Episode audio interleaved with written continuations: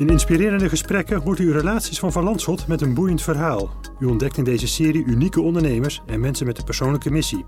Luister mee en laat u motiveren en begeesteren. Presentatie Maarten van der Pas. Mijn gast in deze aflevering begon zijn carrière met deuren intrappen. Figuurlijk dan, gegevens van de Kamer van Koophandel doorspitten en aan koud klanten bellen. Hij werd door zijn oom in Roemenië gestald om daar het salesvak verder te leren. Als jonge ondernemer begon hij op zijn 25ste Pro Contact, een bedrijf in recruitment process outsourcing en jobmarketing. Momenteel zijn er veel vacatures en is er een tekort aan personeel. Een goed moment om in de werving en selectie van personeel actief te zijn. Ik ga het hem vragen. En ik denk dat mijn gast andere entrepreneurs en startende ondernemers goede tips kan geven. Nout Baaiens, oprichter en directeur van Pro Contact, hartelijk welkom. Dankjewel uh, voor de uitnodiging, Maarten. Nout, om maar meteen eens te beginnen, hoe ben jij tot ondernemer gekomen? Welke mogelijkheden zag jij om ondernemer te worden? Nou ja, de mogelijkheden om ondernemer te worden, hè, eh, dat, dat gaat geleidelijk. Uh, in eerste instantie denk ik dat ik vanuit huis uit uh, ja, uiteindelijk wel gestimuleerd ben om te gaan ondernemen. Ik heb het altijd voor me gezien in mijn familie. Mm -hmm. broers, ouders, iedereen was aan het ondernemen. Um, maar uiteindelijk uh, weet ik nog, uiteindelijk was er wel één specifiek moment waarop ik dacht van nu wil ik gaan ondernemen. ik werkte destijds in Den Haag en liep toen op het plein met een aantal collega's. Mm. En toen kwam een kerk binnen en in die kerk was een groot feest aan de gang. van iemand die 40 jaar oud was geworden. Een mooie vrouw stond ernaast hem op het podium. En ja, ik dacht, ik vroeg aan een van die collega's, wat doet die man? Ja. Nou, hij bleek een callcenter te hebben. En toen dacht ik, nou, dan, dat is iets wat ik daarvoor ooit had geleerd bij uh, Van Landschot in Den Bosch. Dat ik goed koude acquisitie kon doen. En dat was het, de aanleiding om te gaan ondernemen. Ja, jij zag dat daar en dacht, dat moet ik ook gaan doen. En even terug naar je familie. Hè? Wat ondernam de familie Baaiens dan? Uh, nou, mijn ouders hadden een handelsbedrijf in uh, metalen. Dus die uh, hadden een bedrijf wat fabrieken vertegenwoordigde in Oost-Europa, in China en Spanje. En die producten verkochten zij, handelden zij in de Benelux. Dus de klanten waren gevestigd in Nederland, België, Luxemburg. En nou, zij waren de tussenpersoon. Ja, maar uiteindelijk niet doorgegaan in de metaal? Nee, nee, ik was nog te jong op het moment dat mijn uh, vader... Mijn vader heeft het in 2008 verkocht, het mm. bedrijf. Uh, mijn oudste broer is destijds geloof ik nog gevraagd. Uh, door hem. Maar ja. ik, ik kan me niet herinneren dat hij mij gevraagd heeft. Ja. Um, maar maar nou, nou wilden wij eigenlijk allemaal niet in het bedrijf, omdat het voor ons eigenlijk te technisch is. Ja. Was. Oké. Ja. ja. en dan kom jij, ja, je hebt ProContact opgericht. Dat doet aan RPO, Recruitment. Process Outsourcing, ook jobmarketing. Kun je ons uitleggen wat dat is? Nou ja, kijk, uiteindelijk, hè, om het even simpel te zeggen, het is recruitment outsourcing. En uh, ja, je hebt ook IT outsourcing. Dus dan heeft een bedrijf, een klant, heeft vaak een behoefte, een IT-behoefte. En dan levert hè, de IT-outsourcer, mm -hmm. die levert dan het hele landschap om dat probleem op te lossen. Nou, dat doen wij op het gebied van recruitment. Dus uh, onze klanten hebben een personeelsbehoefte, vraag. En wij leveren ze alles wat ze nodig hebben om dat personeel te vinden. Ja, en dan, ja, wat voor personeel werf je dan? Heb je specifiek richt je op bepaald personeel? Wie zijn je opdrachtgevers? Nou ja, wij zijn uh, zes, zes, zeven jaar geleden gestart uh, met jobmarketingcampagnes. He, dus uh, dat is eigenlijk online marketing voor het, voor het vullen van vacatures. Niet meer, niet minder. Mm -hmm. um, en toen zijn wij gestart met name met blue-collar profielen. He, dus met techneuten. Uh, dus denk dan ook aan logistiek personeel, uh, bouw, industrie, automotive, infra. Daar zijn we destijds mee gestart.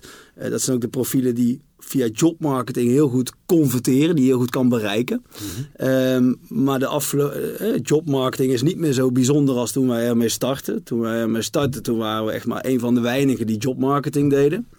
Later in België echt, echt maar een van de drie of vijf. Mm -hmm. um, uh, maar ja, de afgelopen jaren zijn er natuurlijk heel veel jobmarketingbedrijven bij, bijgekomen. En hebben wij, dat, hebben wij dat toen doorontwikkeld naar recruitment process outsourcing.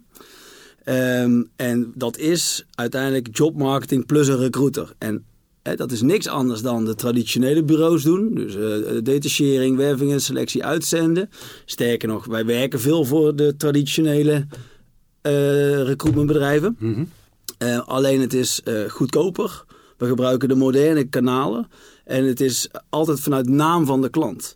En um, op deze manier kunnen we eigenlijk bijna ieder profiel op dit moment werven. Ehm, ik zou voor is echte C-level functies niet zo snel bij ons aankloppen, geloof ik. Echt directeursfuncties? Ja, dat, dat, dat, dat doe je natuurlijk via executive search. Uh, en, en, dat moet integer en dat, dat gaat toch echt op een andere manier dan hoe wij recruitment doen. Mm -hmm. maar eigenlijk alle andere functies kun je met ons RPO-model, recruitment outsourcing, heel goed bij ons neerleggen. Ja, en dan kan ik ook zeggen, praten over nieuwe kanalen. Ik neem aan dat je daar dan internet, social media mee bedoelt. Kun je daar misschien een concreet voorbeeld geven van een onderneming klopt bij jou aan, die zoekt een monteur, of maar wat te zeggen. Ja. En wat doe je dan vervolgens? Nou ja, het, het, start allemaal natuurlijk met een profielschets. Met eigenlijk met een vacaturetekst. Uh, wij zorgen er in eerste instantie voor dat die vacatures goed online komen op de website. Dat ze geoptimaliseerd worden voor de zoekresultaten van Google. Dat het goed converteert, dat iemand makkelijk kan solliciteren. En vervolgens ga je online campagnes aanzetten op uh, social media, Google en de Jobwatch. Dat zijn eigenlijk een beetje de, wat ons betreft, de kanalen om personeel te bereiken. Mm -hmm. um, en voor een monteur uh, kies je dan e iets meer voor, uh, voor Facebook, Instagram dan voor LinkedIn. Hè? Even mm -hmm. als een simpel voorbeeld. Ja. Um, en, maar ga je bijvoorbeeld meer naar de, de, kantoorprofielen, dan ga je natuurlijk weer meer naar LinkedIn en Google. En, zo maak je eigenlijk altijd een combinatie van kanalen om die doelgroep te bereiken. Nou, dan komen ze binnen.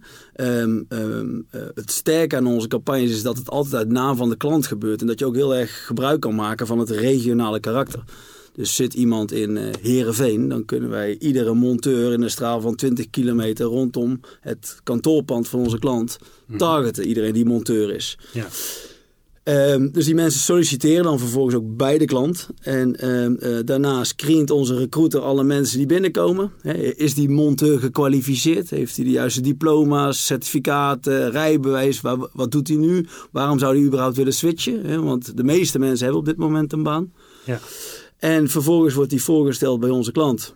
En uh, zij kunnen uh, die mensen uh, eigenlijk onbeperkt aannemen, want je betaalt ons niet op de traditionele manier. Je betaalt ons eigenlijk voor het maken van de campagne, voor de screening. En daarna mag je er zoveel aannemen als je zelf wil. Oké, okay, ja, je rekent niet af per nee. kandidaat of zo. Nee, nee. Ja, en um, ja, dan hebben we nu momenteel, dat zei het ook al in mijn, mijn intro, hè, tekort in, aan personeel in sommige branches. Ja. Veel vacatures staan open, dus jij bent spekkoper. Uh, ja, tegelijkertijd uh, bemoeilijkt het de boel ook wel een beetje natuurlijk. Maar ik kan niet ontkennen dat er heel veel vraag is op dit moment naar onze campagnes. Ja. Mm -hmm. um, je komt wel weer op voor andere uitdagingen te staan. Uh, maar het RPO-model wat wij gebruiken is gelukkig ook in de recruitmentmarkt wordt dat gezien als een, als een alternatief voor detachering en werving en selectie bijvoorbeeld. Um, ze krijgen, een klant krijgt bij ons een, uh, ook een jobmarketingcampagne, eigenlijk een employer branding campagne, zoals ze dat met uh, ook weer hele chique woorden noemen. Ja. En ja, daar willen ze ook graag voor betalen. Dus naast het feit dat het um, uh, personeel oplevert, hè, nieuwe, nieuwe, nieuwe collega's, levert het ook gewoon een hele mooie naamsbekendheid op, de dingen die we doen. Ja, en wat maakt jouw onderneming nou onderscheidend van vergelijkbare bedrijven? Nou ja, dat is eigenlijk wat ik net zei. Eigenlijk het model waarvoor wij hebben gekozen de afgelopen jaren, wat we hebben doorontwikkeld, is echt het onderscheidend vermogen. Um, eh, um, uh, het is bij ons, uh, bij een werving- en selectiebureau betaal je al gauw 20, 25 procent van het jaarsalaris. Nou, daar kunnen wij meestal wel een half jaar campagnes voor draaien. Dan hebben we die mensen vaak al lang gevonden. Dus mm -hmm. het afrekenmodel is, is, is nummer één, hè, wat ons onderscheidt. Ja. Um, maar ook het, het online karakter. Dus de, de, de meeste van onze klanten vinden het ook heel leuk dat ze um, actief zichtbaar zijn op de kanalen waar we, laten we eerlijk zijn, toch allemaal met z'n allen zitten de hele dag. Hè? Social media, Google, uh, nou, daar zijn ze ook zichtbaar. Ja, en toch even weten hoe je uiteindelijk toch bij recruitment terecht bent gekomen. Ja. Want we vertelden daar de metaalhandel van je ouders. Dat was geen optie. Je nee. zag in Den Haag die ondernemer daar met zijn feest. Toen dacht je, ik moet ondernemer worden. Maar je bent begonnen bij Van Landschot. Ja. Dat was toch in de financiële sector. Ja, Uh, nou, ja, mee, ja. nou ja, uiteindelijk, uh, ik werkte bij mijn vader uh, als bijbaantje tijdens mijn studie in, in Tilburg. Ik reed ik op en neer, dan had ik college en daarna ging ik bij hem werken. maar dan was ik toch altijd het zoontje van de baas. Dus na twee jaar dat gedaan te hebben, was het tijd om ja, naar buiten te kijken, om, om verder te gaan. En toen uh, tikte ik in, uh, uh, op Google een paar zoekwoorden die ik, waarvan ik dacht van nou daar zo'n baan zou ik wel willen. Ook iets ja, met ja. een hoog salaris en, ja. en dat soort dingen. En toen kwam ik bij Van Landschot uit en dat was in 2007.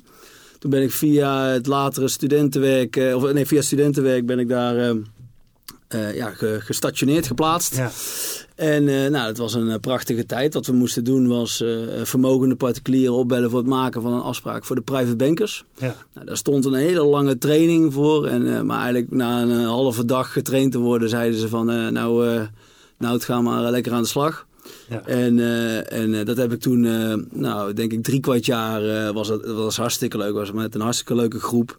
En, en super succesvol. Ja. Ja, echt ja. Mensen bellen, koud bellen, zoals ze zeiden, om te vragen of ze klant willen worden. Ja, het was natuurlijk gewoon echt een studentenbaan. Hè. ik bedoel, dat doe je niet je hele leven dit. maar uh, uh, ik heb daar wel heel veel plezier mee gehad. En het is de basis geweest dus van het ontstaan van ProContact. Want ik kwam er daarachter dat ik daar goed in was en dat ik het leuk vond. Um, dus ja, toen ik op mijn 25ste wilde gaan ondernemen, toen dacht ik, ja, wat kan ik eigenlijk? Nou, dat was dus uh, deur intrappen, zoals je het net zelf noemde. Um, en zo is dat gestart. Hè. Je moet ergens beginnen. Ja, nee, is een mooi, mooi verhaal. En hoe is ProContact uiteindelijk ook de coronacrisis doorgekomen? Uh, nou, uh, toen konden we, hè, wij zijn, uh, ik heb het bedrijf negen jaar geleden opgezet en we zijn eigenlijk de afgelopen jaar, ik ben begonnen als een, als een, als een, een, een belbureau, een callcenter. toen heb ik daar online marketing aan toegevoegd. Die, de online marketing, die online marketeer die er toen bij kwam, die gaf eigenlijk al vrij snel aan dat hij best wel wat ervaring had in jobmarketing. Toen zijn we de recruitmentmarkt rustig ingerold. Mm toen, toen zijn we eigenlijk, eh, wij werkten daarvoor al voor een aantal traditionele recruitmentbedrijven.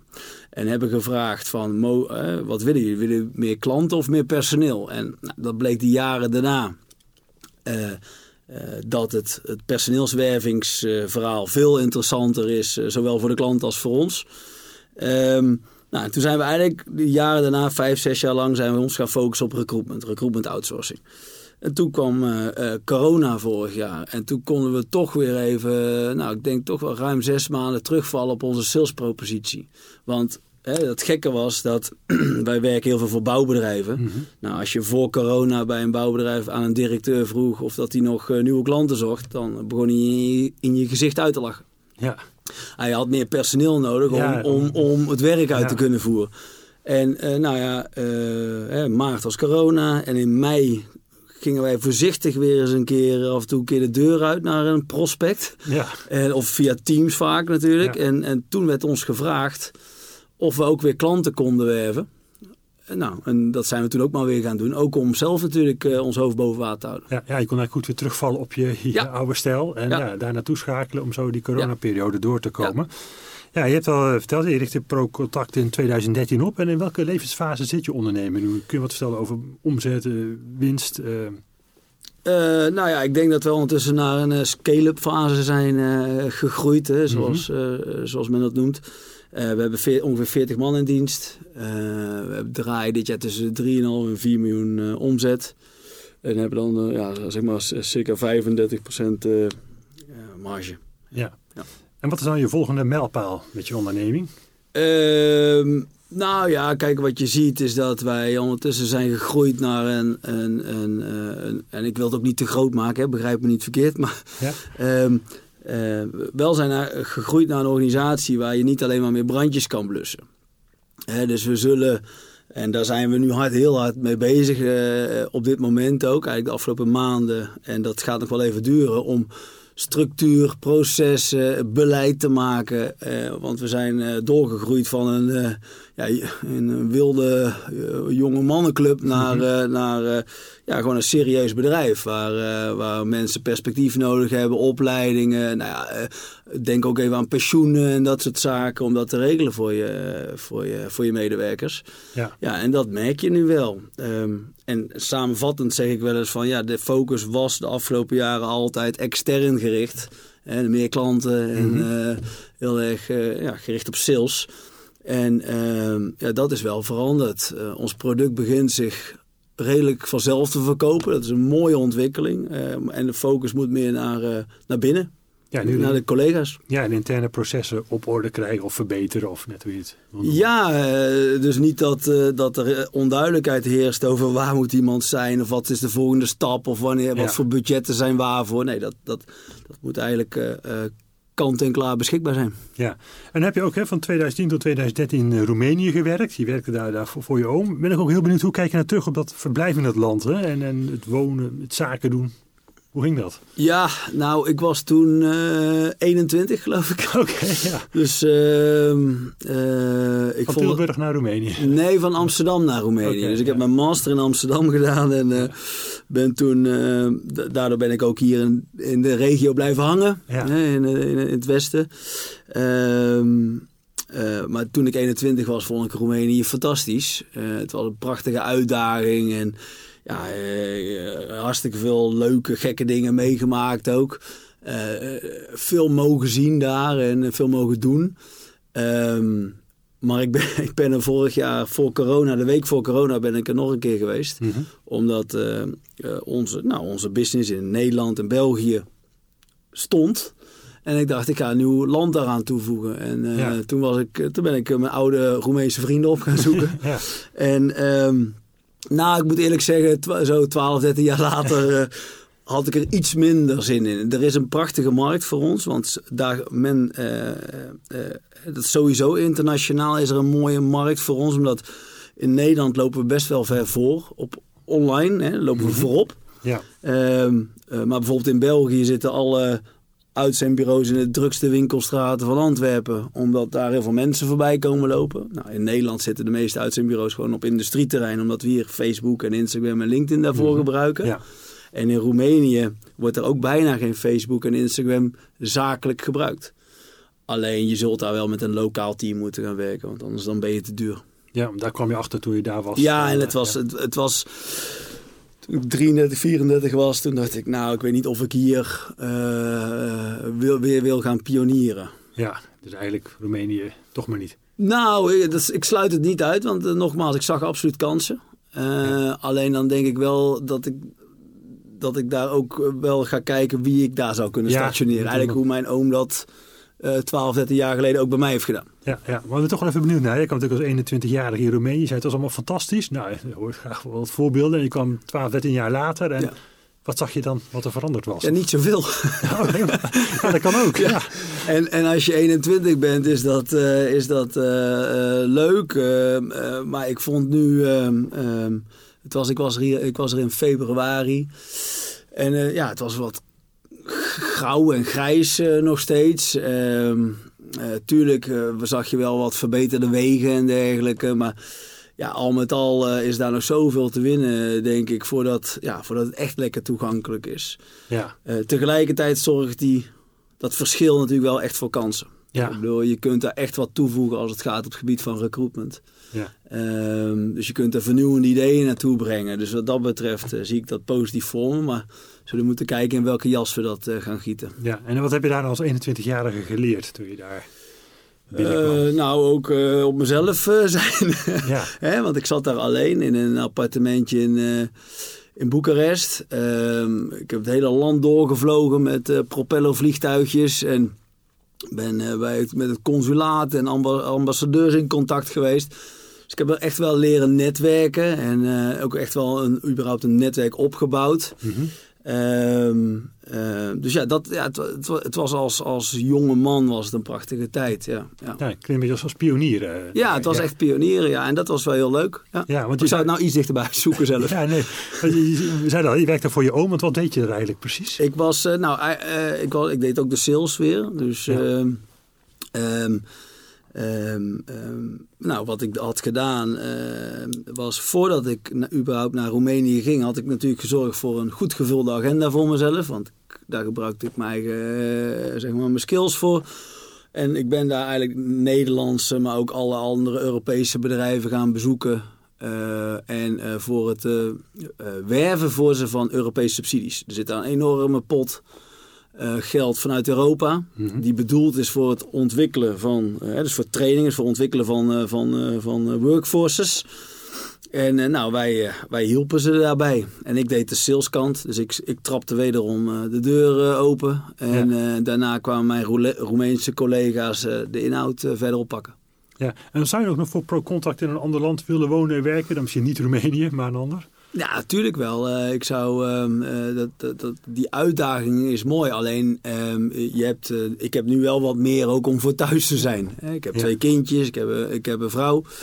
Um, en, dus ik vind het ook heel leuk om thuis te zijn. Dus ik zou dat, daar moet je even een weg in vinden. Maar dat wij internationale ambities hebben, dat is zeker. Ja, nou, weet je daarop aansluiten. Ja, welke uitdaging, zakelijk of persoonlijk, zou je nog willen oplossen? Oh, maar dan gaat het gesprek nog heel lang duren. Maar uh, um, nou ja, ik denk uiteindelijk uh, um, dat het vooral belangrijk is dat er niet te veel uitdagingen en problemen tegelijkertijd op je bord liggen. Mm-hmm. Zowel privé als zaak. Dus ik denk dat die balans daarin heel erg belangrijk is dat je, uh, dat, je, ja, dat je zorgt dat je wel ook structuur en rust hebt daarin. Als het als privé en zakelijk tegelijkertijd niet helemaal lekker lopen, uh, merk je dat meteen aan je, aan je gemoedstoestand en, en dus ook uiteindelijk binnen je bedrijf. Ja, en je weet van jezelf, daar moet ik op letten en daar ja, moet ik die balans in te ja, bereiken. Ja. Ja. Wat zou je tot slot eh, nog willen meegeven nou, aan ja, andere entrepreneurs en jonge startende ondernemers? Uh, ja, nou ja, kijk. Um, uiteindelijk denk ik uh, dat uh, de, Elon Musks van deze wereld, daar zijn er niet zo heel veel van. dus ik denk dat als ik mijn zoon later advies moet geven, als hij zou willen ondernemen, dan zou ik misschien wel zeggen van begin gewoon. Ja. begin ergens waar je goed in bent. niet per se alleen in wat je leuk vindt, hè, vooral ja. ook waar je goed in ja. bent. En uh, het schaalbare karakter van zo'n, van zo'n dienstverlening, wat daar dan eventueel bij komt kijken of niet, komt vanzelf wel. Want dat, dat, die, die ondernemende geest, als je dat hebt, dan denk ik dat je vanzelf wel elk jaar je product verbetert, schaalbaarder maakt, mm-hmm. maar ook kwalitatief beter maakt. Um, om naar iets heel moois te groeien. Maar ik, ja, ik denk dat dat prima een proces mag zijn van een paar jaar. Ik denk dat ja. de belangrijkste fout die je kan maken, die heel veel mensen maken, niet alleen jonge ondernemers, maar überhaupt mensen, is dat we te lang op zoek zijn en nadenken uh, uh, en op zoek zijn naar dat gouden ei. Terwijl ja, dat, je moet soms ook in de praktijk leren wat wel en niet werkt. Mm-hmm. En waar wel en geen behoefte aan is. Ja. Dus ik denk dat dat misschien wel... Uh, wel uh, ja, de belangrijkste is. Ja, en dat niet meteen het gouden ei willen vinden, maar begin gewoon en dan vind je het misschien. Nou, en dan ontwikkel je uh, gedurende je ondernemerschap natuurlijk je product en je, je, en je propositie steeds verder door, waardoor het steeds meer aansluit op de markt. Ja. Nou, dankjewel nou. Dat lijkt me hele mooie slotwoorden. En bedankt dat je ons hebt willen meenemen op jouw verhaal hè, door jouw carrière als jonge ondernemer. Dit was Inspirerende Gesprekken, een podcast van Verlandschot Kempen. En wij hopen dat u deze aflevering met veel plezier heeft beluisterd. Benieuwd naar meer inspirerende verhalen? Abonneer u dan op ons kanaal.